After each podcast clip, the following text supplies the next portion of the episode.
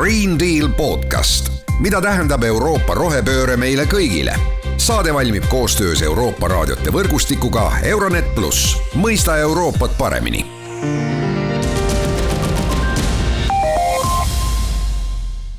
tere, head Green Deal taskuhäälingu kuulajad. tänases saates räägime linnakeskkonnast. mina saatejuht Mart Valner ja mul on hea meel, et äh, minuga on seda saadet alustamas ja rääkimas linnade võib-olla ühest osast, millest me liiga palju ei mõtle, ehk siis sellest, kuidas me jahutame ja soojustame ennast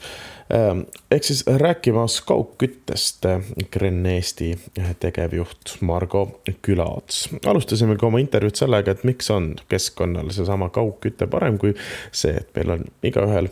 enda väikesed ventilaatorid. kui me hakkame nende eelistest pihta, esiteks võib-olla sellest keskkonnasõbralikkuse poolest, et et kui see külm vesi läheb kliendini, siis sealt tagasi tuleb ta soojemana. et esiteks sellest tagasi tulevast soojenenud veest siis jahutusjaamas võetakse soojuspumbaga jällegi soojus välja ja suunatakse see kaugjahutusvõrk või kaugküttevõrku siis. et kuumal ajal teata, teadupärast kasutatakse ka duše rohkem ja pestakse rohkem ja seda sooja vett on vaja. Et ühesõnaga see, see soojus tegelikult, tagasi tulev soojus kasutatakse siis soojavee tootmiseks. siis äh,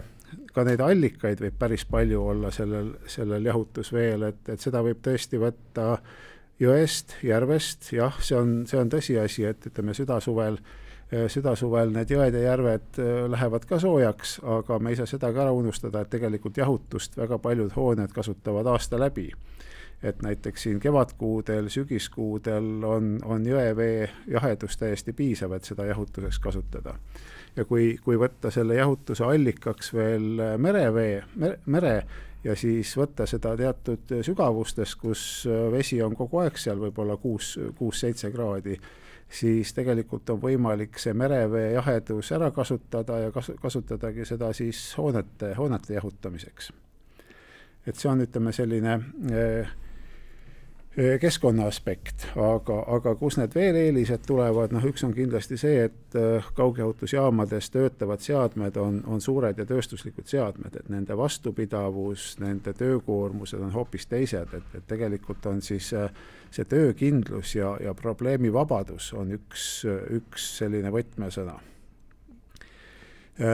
mugav on ta kindlasti, tegelikult ise ei pea midagi tegema, lihtsalt see külm vesi tuleb hoonesse, hoonesse toru kaudu kohale, see tähendab seda, et et näiteks müra või vibratsiooni, mida siis need lokaalsed jahutusseadmed, mis on siis majade katustel või mõnikord ka fassaadi küljes, et seda tekib palju vähem ja tegelikult müra ongi saamas üheks linnade peamiseks probleemiks et kui meil on iga maja juures undavad jahutusseadmed, siis need tõstavad päris oluliselt, oluliselt linna, linna mürafooni, et et see sisaldab juba natuke isegi sellist, ma ütleks, jõmluse momenti, et et, et kui vanasti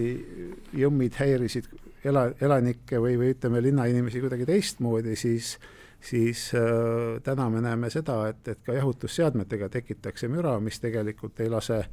ei lase kas siis öösiti magada või, või on lihtsalt, lihtsalt ebamugav, et, et et et varsti on see lokaalne jahutusseade umbes nagu kõnniteele parkimine. ja kuna linn on selline kokkulepete koht, siis, siis tegelikult linnas peakski erinevad huvid kohtuda, kohtuma ja ühiselt toimima ja ja see ei ole üldse välistatud, et tulevikus hakatakse linnades just selle mürareostusega veelgi aktiivsemalt tegeleda, tegelema, sest müra on tegelikult väga suur selline terviseoht.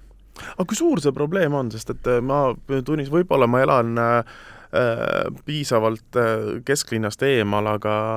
ja, ja, ja maja peal ei ole ei ole neid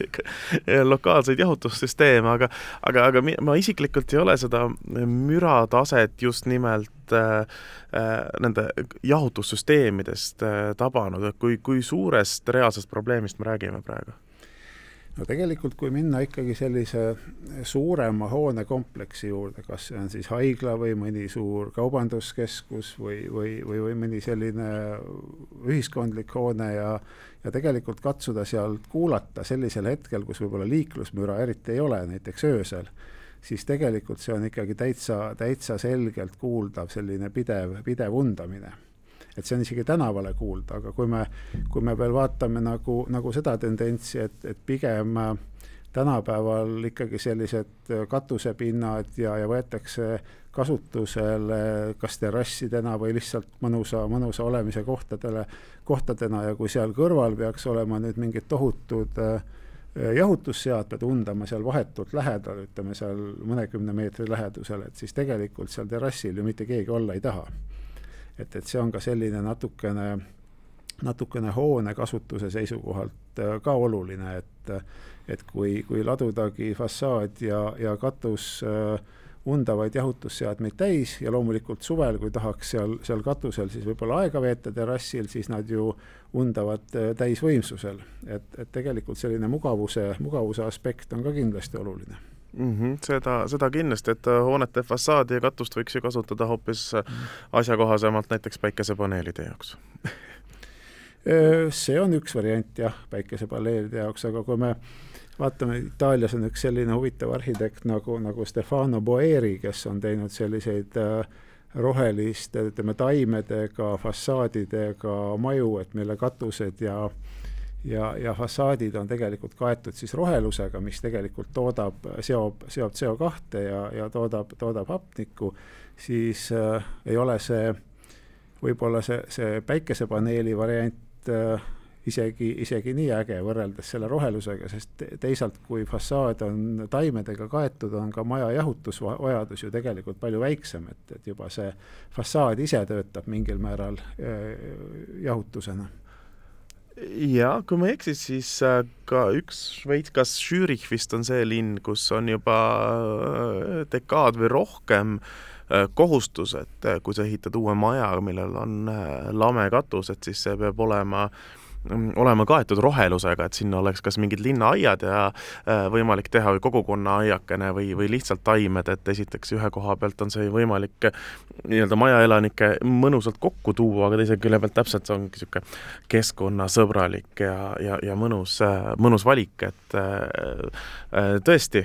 kui võtta üleüldse linnade temperatuuri, siis mida rohkem rohelust, seda vähem kuumasaari, eks ole, et seesama kehtib ka majade fassaadide ja katuste kohta vast, et mida rohkem puid, seda seda mõnusam, jahedam on majas, eks ole. täpselt, täpselt nii, see hoiab selle, selle ülekuumenemise ära ja, ja kui, kui siia kuumasaarte juurde minna, siis tegelikult kuumasaarte üks põhjus on ka need lokaalsed jahutusseadmed, sest äh, selleks, et nad annaks sinna hoonesse külma, võtavad nad sealt hoonest selle soojuse välja ja kuna seal töötab ka mingi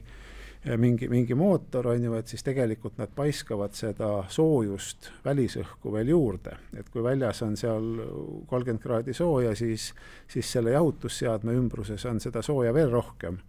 ja, ja kui neid jahutusseadmeid on hästi palju, siis, siis need tegelikult võimendavad veel neid, veel neid kuumasaari just selles piirkonnas, kus, kus see hoone ise ka on ja reeglina seal katusel, kus need jahutusseadmed juba on, sinna seda rohelust enam ei mahu, et, et see on üks, üks selline, see heitsoojus on üks kuumasaarte põhjusi.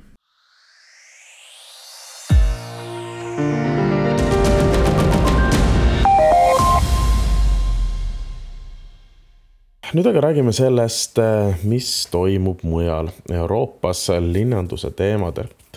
sellest, miks on äh, linnaplaneerimine ja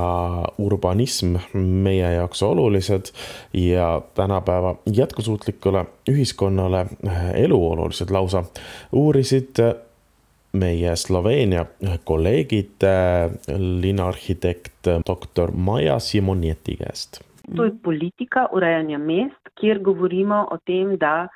nova stanovanja gradimo skupaj z novimi javnimi odprtimi površinami, zelenimi površinami, z novimi vrtci, šolami, eh, knjižnicami in drugimi ustanovami, ki bodo lahko gostile storitve, ki jih ljudje potrebujemo. In to mora biti dovolj blizu.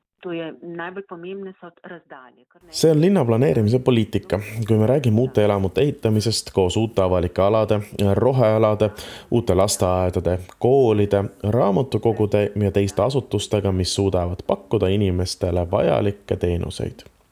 ja need peavad olema piisavalt lähedalt.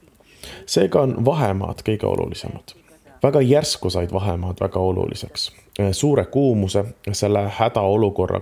korral said vahemaad oluliseks. mida lühemad vahemaad, seda suurem on võimalus, et me jõuame nendesse kohtadesse ja teeme seda jalgsi jalgsi, ilma et suurendaksime või aitaksime kaasa kliimamuutustele. muidu me oma liikumisega loome kliimamuutusi juurde. kui me saame sinna jalgsi, leevendame negatiivseid mõjusid see on suurim väljakutse linnaplaneerijatele, sest see tähendab, et peame pakkuma piisavalt ruumi õigel ajal. Oleme läbi elanud kogemuse, kus pühendati piisavalt ruumi uutele ehitistele, uutele korteritele, kuid sotsiaalne infrastruktuur jäi tahaplaanile see on vajalik kvaliteetse elukeskkonna loomiseks kõigile. Need on suured uued ülesanded, mis ei ole ainult linna planeerimise ülesanded, vaid eelkõige poliitilise konsensuse teemad. inimeste ja ühiskonna kokkulepe